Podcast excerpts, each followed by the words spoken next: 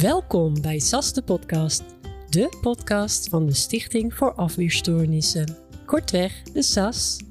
In deze podcast praten we over van alles dat te maken heeft met PID. PID, dat staat voor primaire immuundeficiëntie. Afweerstoornissen dus en chronisch ziek zijn. Wij, Bibian, Elise, Jannik, Anna en Janine, zijn jullie hosts in wisselende volgorde. Wij zijn als vrijwilliger betrokken bij de SAS. Wij zijn ervaringsdeskundigen en patiënten met een afweerstoornis. De persoonlijke ervaringen in de gesprekken zijn geen medische adviezen. Vergeet je niet op deze podcast te abonneren op jouw favoriete podcastkanaal. Volg onze socials en blijf op de hoogte over afweerstoornissen. Vandaag uh, praten we met z'n drieën over het thema zwangerschap. Ik zit hier met Anna, Bibian en uh, mezelf. Ja, waar twee van ons al ervaring hebben in het uh, zwanger zijn, heeft onze Bibian dat nog niet. Dus ja, we zijn heel benieuwd ja, wat we allemaal te weten komen over dit thema. Ik heb wel een vraag om mee te beginnen aan Bibian. Hoe zie jij het voor je straks als je zwanger bent? Goeie vraag.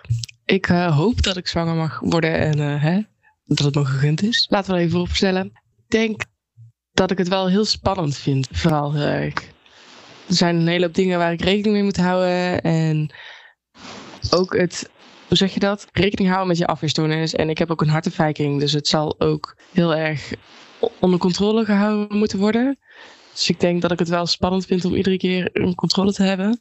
Ook wel heel leuk, denk ik ook wel heel spannend om allemaal nieuwe dingen van je lichaam te ervaren. Want ik denk dat ik mijn lichaam redelijk goed ken qua pijntjes, klachten en uh, hè, hier en daar. Maar ik denk dat een zwangerschap dan toch wel weer een hele een nieuw level aan pijntjes en dingetjes ja. creëert uh, waar ik nog niet kennis mee heb gemaakt. Ja, ik herinner me in de zwangerschap en ook daarna dat ik gewoon zo respect kreeg voor mijn lichaam. Ik dacht, huh, dit, dit kunnen wij gewoon. Weet je wat, dat heb, heb ik gewoon gedaan. En hoe dan? Kijk dan, bijna vier kilo kind. Weet je wel, uh, het is me gewoon gelukt. Ja. Weet je wel, dat, dat, doe ik zelfs terwijl ik lig te slapen. Ik bedoel. Uh... Ja. ja, ja. Nee, ik snap dat wel hoor. Dat je op voorhand al een beetje gaat. Dat het al een beetje spannend is om te bedenken. Hoe gaat het straks dan zijn? He, want het komt natuurlijk een heel. Het, zwangerschap is geen medisch probleem of zo. Maar ja, in ons geval, in jouw geval, komt er wel een, een, team omheen natuurlijk. Want het wordt wel begeleid. Ja. ja, ik denk dat ik het dan vooral lastig vind om te gaan kijken. Klachten die je zeg maar zou hebben, of dat dan gewoon zwangerschap is. Uh, of dat uh, goed is of niet goed is. Lijkt me vooral bij de eerste zwangerschap heel lastig is dat je niet weet wat er komen gaat. Ik denk dat dat ja. bij een tweede of mogelijk derde zwangerschap dat je dan meer weet. Ja, je herkent het niet hè? Nee, ik weet nog dat uh, bij mijn eerste zwangerschap uh, ik een blaasontsteking had. Maar dat voelde heel anders dan wat ik normaal gewend was. Dus ik dacht, ik heb weeën of zo. Oh, dat leek eng, ja. Een blaasontsteking te zijn, gelukkig. Maar dat voelde zo anders, veel heftiger dan, dan wat ik normaal gewend was. Maar ik vind ook wel, het is ook heel bijzonder. Hè? Het zijn ook echt hele leuke momenten. Ik bedoel, de eerste keer schoppen of zo. En dat je ineens een keer schopjes voelt. En ja, dat is wel echt heel bijzonder. Ja, mij lijkt het uh, heel, vooral heel leuk om dat hartslagje voor de eerste keer te horen. Heel bijzonder. Ah, dat gaat zo ja. snel. Dat, ja. Tik, ja, dat is inderdaad ook heel bijzonder, ja. Maar jij zegt dus, Anne, dat je ook wel last had van blaasontsteking. Had je verder nog uh, ja, zwangerschapskwalen waarvan je nu denkt: hé, hey, was dat dan een zwangerschapskwaal? Of misschien toch mijn, uh, mijn afweerstoornis of een ander? Nou ja, tijdens uh, de eerste zwangerschap had ik uh, alleen dat dus. Alleen blaasontsteking tijdens het einde, zeg maar. Maar verder had ik dus helemaal geen klachten. Ik had echt de mooiste zwangerschap ooit. Ik was in de wolken. Ik was alleen maar blij en het ging alleen maar goed. Dus ja, dat was echt gewoon fantastisch zo leuk. Dus alleen die ene keer blaasontsteking. En verder had ik helemaal niks. Ja, uh, misselijk en zo. Maar niet voor mijn doen vond ik me fantastisch. was negen maanden in, in, de, in de hemel gewoon. Ja, lichamelijk ging het ook fantastisch. Allemaal hartstikke goed. Ik liep nog hartstikke veel. Ik deed gewoon, ik kon nog best wel lang mijn werk doen. Uiteindelijk uh, moeten stoppen omdat, uh, omdat ik een beetje iets te ver moest lopen om naar de wc te gaan. Een beetje was van, nou ja, Anne zit haast alleen nog maar op de wc straks. In plaats van dat ze dan nou ja, aan het werk kan. Maar verder, ja, het ging allemaal fantastisch. De eerste zwangerschap was geweldig. En ja, juist het omgekeerde. Dus juist dat je je heel goed voelt. Nou, dat is echt, uh, echt mooi. Jouw lijf kan gewoon heel goed zwanger zijn. Nou ja, de laatste helaas niet. nee, de laatste keer was het, is het helaas. Toen wist ik dat ik een afweerstoornis had. Dat wist ik bij de eerste niet. Ik denk niet dat dat het verschil heeft gemaakt. Maar de laatste zwangerschap uh, was ik alleen maar ziek. Ik had constant ontstekingen. De hele zwangerschap door, negen maanden lang. Overal ontstekingen vooral in mijn hoofd en mijn longen. Uh, ook op een gegeven moment hele dikke ontstekingen onder mijn oksels. En, uh, dus dat was echt gewoon alleen maar ziek zijn. Negen maanden lang. Pittig, ja. Wie denk je dat er betrokken gaat zijn qua medisch personeel bij je zwangerschap? Wisten wij eigenlijk allebei wel dat we een afweerstoornis hadden toen we zwanger waren? Wist jij het al, Anna, toen? Uh, bij de eerste twee niet. Bij de laatste wel. Bij de, en bij de eerste twee was ik gewoon bij de verloskundige. En bij de laatste was ik, uiteindelijk ben ik overgegaan naar de gynaecoloog.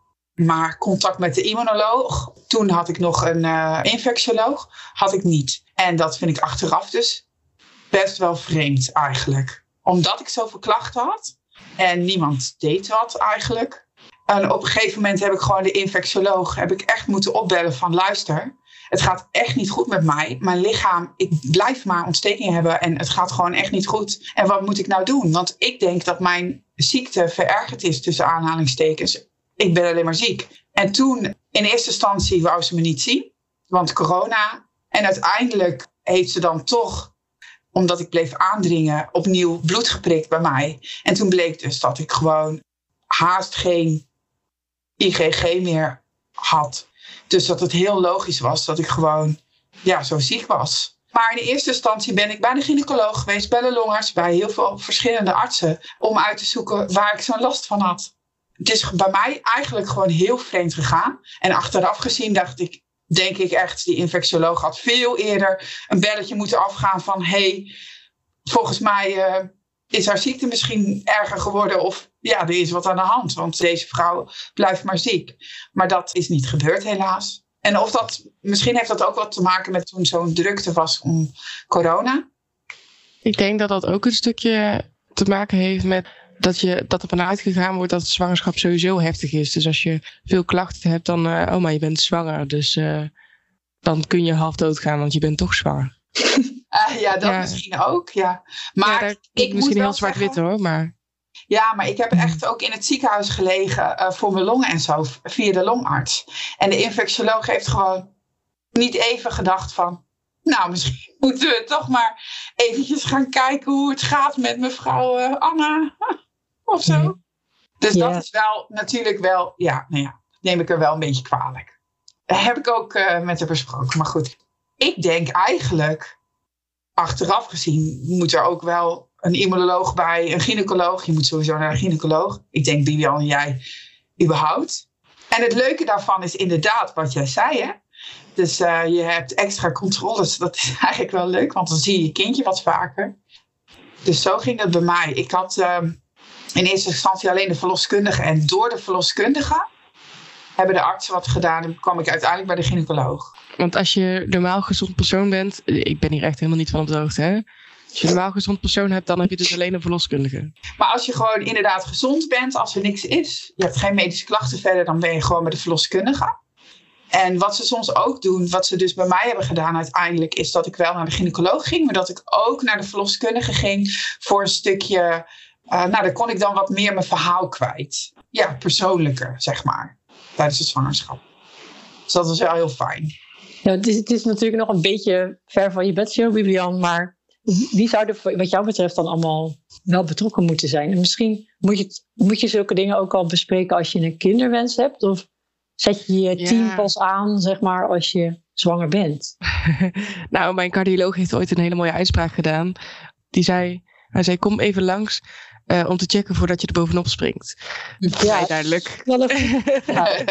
die, die is wel echt van, uh, kom eerst even langs, dan gaan we je conditie testen. Een beetje kijken of je lichaam stabiel en uh, sterk genoeg is om een zwangerschap normaal en gezond te verlopen, zeg maar.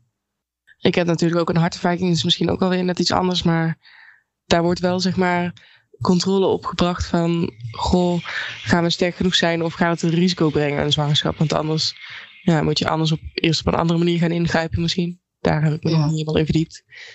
En mijn immunoloog, uh, moet ik zeggen, heb ik het nog niet echt mee over gehad. Of ik ooit uh, kinderen wil en of dat effect heeft.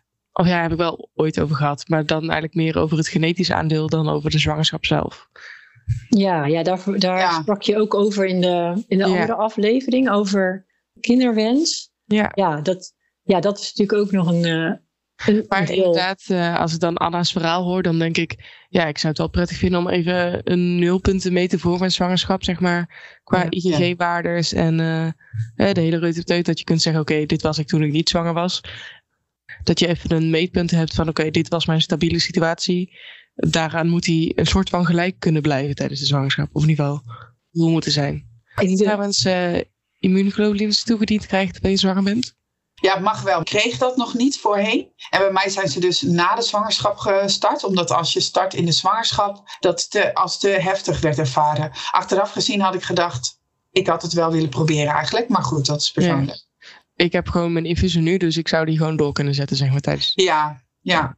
In, ik weet ook niet hoe ik negen maanden zou overleven zonder infuus. Nee. nee. En dan, uh, het is gewoon zo dat, je, dat, dat die waarden ook sowieso lager worden als je zwanger bent.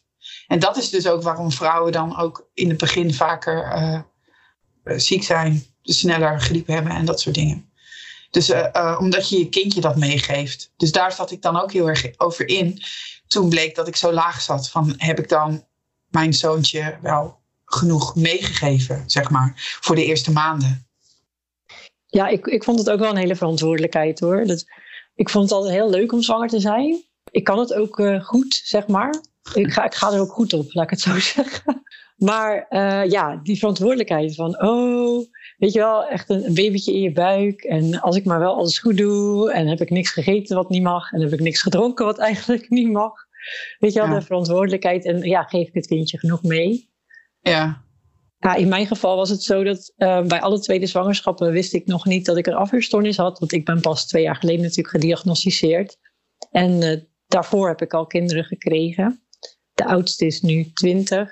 Dus ja, dat is gewoon lang geleden, weet je wel. Ja, dus ik wist eigenlijk van niks. Nee. En qua fysiek gedeelte zou ik maar zeggen, ja, ik had wel veel blaasontstekingen, maar dat hebben gezonde mensen met uh, zwangerschappen ook wel vaker. En uh, de laatste loodjes, ja, ik was wat kortademig. Nu weten we dat, dat die astma toen natuurlijk ook al speelde, maar niet echt dat ik dacht van, oh, ik heb flink saturatietekort, zuurstoftekort. Het was gewoon ja, moeilijk ademen, omdat ja, de oudste was ook vrij groot, hè, bijna 4 kilo, dus dat zit vrij hoog in je. Ja, dan worden je longen weggeduwd, toch? Ja, dus die, die onderste ribben waren ook uh, gekneusd, weet je wel. En dan, dan, adem je gewoon niet zo makkelijk. Niet om je bang te maken. Nee, nee, nee. Ik zeg ook niet dat jij een groot kind krijgt. ja, weet je, als je maar weet waar het van komt, dan vond ik het al niet erg. Weet je wel, dat je dan wat uh, minder goed ademt. Of dat je dan uh, wat pijn hebt hier en daar. Dan, als je maar weet dat, dat het gewoon niet erg is. En dat het ook weer goed, gewoon, dat het erbij hoort zo'n beetje. Ja, Hoe zat het uh, met jullie vermoeidheidsklachten eigenlijk? Daar, daar kijk ik denk ik heel erg tegenop. Ja, ik ben altijd al goed geweest in slapen. dus, uh, ja, in de zwangerschap ook. Ik, uh, ik was ook met vijf maanden kreeg ik veel harde buiken. Dat zijn ja, een soort oefenweeën. Volgens mij noemen ze dat Braxton Hicks contractions. Want die, ja, het is niet echt, maar het is uh, ja, oefenweeën. Maar dat was veel te vroeg met vijf maanden. Dus toen moest ik ook uh, gaan liggen. Uh, ik, ik, mocht nog wel een beetje lopen, maar ja, ik moest ook heel veel rust houden. Dus ja, toen kon ik ook weer makkelijk slapen. dus ja, ik was wel, wel moe. Maar ja, omdat ik toch al veel moest liggen, ja, viel dat ook wel weer mee. Ja. ja. Ja, bij mij was het heel verschillend. Bij de eerste had ik dus alle energie van de wereld. helemaal geen vermoeidheidsklachten, überhaupt geen klachten. En bij de, bij de derde lag ik eigenlijk alleen maar op mijn in mijn bed. Omdat ik ook steeds ontsteking na ontsteking had, had ik gewoon echt nergens energie voor. Maar ik denk niet dat je, je uit angst voor vermoeidheid moet denken: oh, ik Oh nee. durf niet zwanger te worden of zo.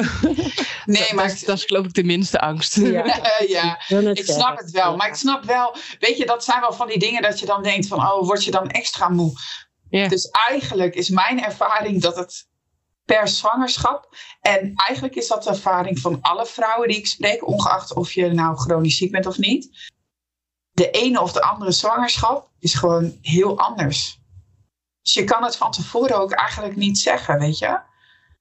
Ja, bij mij was het gewoon zo, ook toen ik zo heel ziek was. Ja, als ik hem dan weer voelde schoppen of ik eh, hoorde het hartje weer even. Of weet je, je maakt even contact met je kindje. Ja, je vergeet Ben je weer alles vergeten. je weet waarvoor je het doet. Ja, Je zeg weet gewoon, ik doe het ergens voor, weet je. Straks komt die kleine en dat is gewoon wat je op de benen houdt eigenlijk. Ja, Ja. dat hoor je ook vaak na de bevalling. Dat mensen gewoon alle pijn zijn vergeten.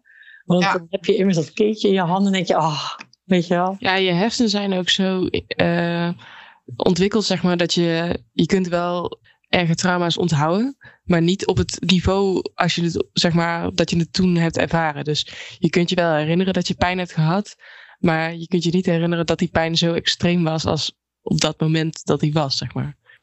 Ja, dat klopt denk ik eh, helemaal. Want anders zouden mensen ook niet een tweede kindje krijgen. Of, Nee, nee, nee. Dan zou het gewoon iedereen één kind hebben. ja, Voor de wereldbevolking misschien beter zijn, maar dat is een oh ander ja, verhaal. discussie. Ik heb eigenlijk ook nog een vraag. Eh jullie hadden het net heel mooi over verantwoordelijkheid naar je kindje. Want nu als afweergestoorde, om het zo te zeggen, eh, mag je dus eigenlijk net zo min eten als een zwangere. Of in ieder geval iemand met een beperkt immuunsysteem, een zwangere ouderen of kleine kinderen.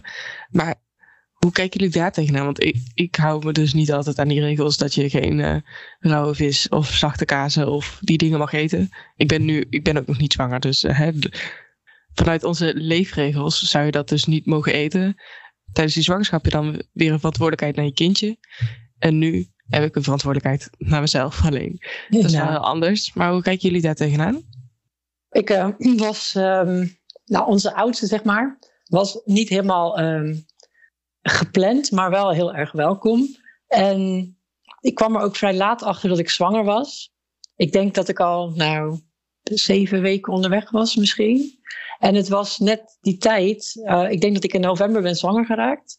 En in december, ja, kerst, champagne, oud en nieuw, zalm op toast. Ja, alles, alles ging erin. Dus ik dacht, oh nee, wat heb ik mijn kind nou weer aangedaan, weet je wel. Dus ja, verloskundige nam die angel een beetje weg door te zeggen, ja, je wist het ook niet. En kijk, het is niet alsof je zwaar alcoholist bent, dus hè, weet je wel. Maar we houden het in de gaten en we, me- we meten alles en weet je niet. En ze heeft er ook niks aan overgehouden.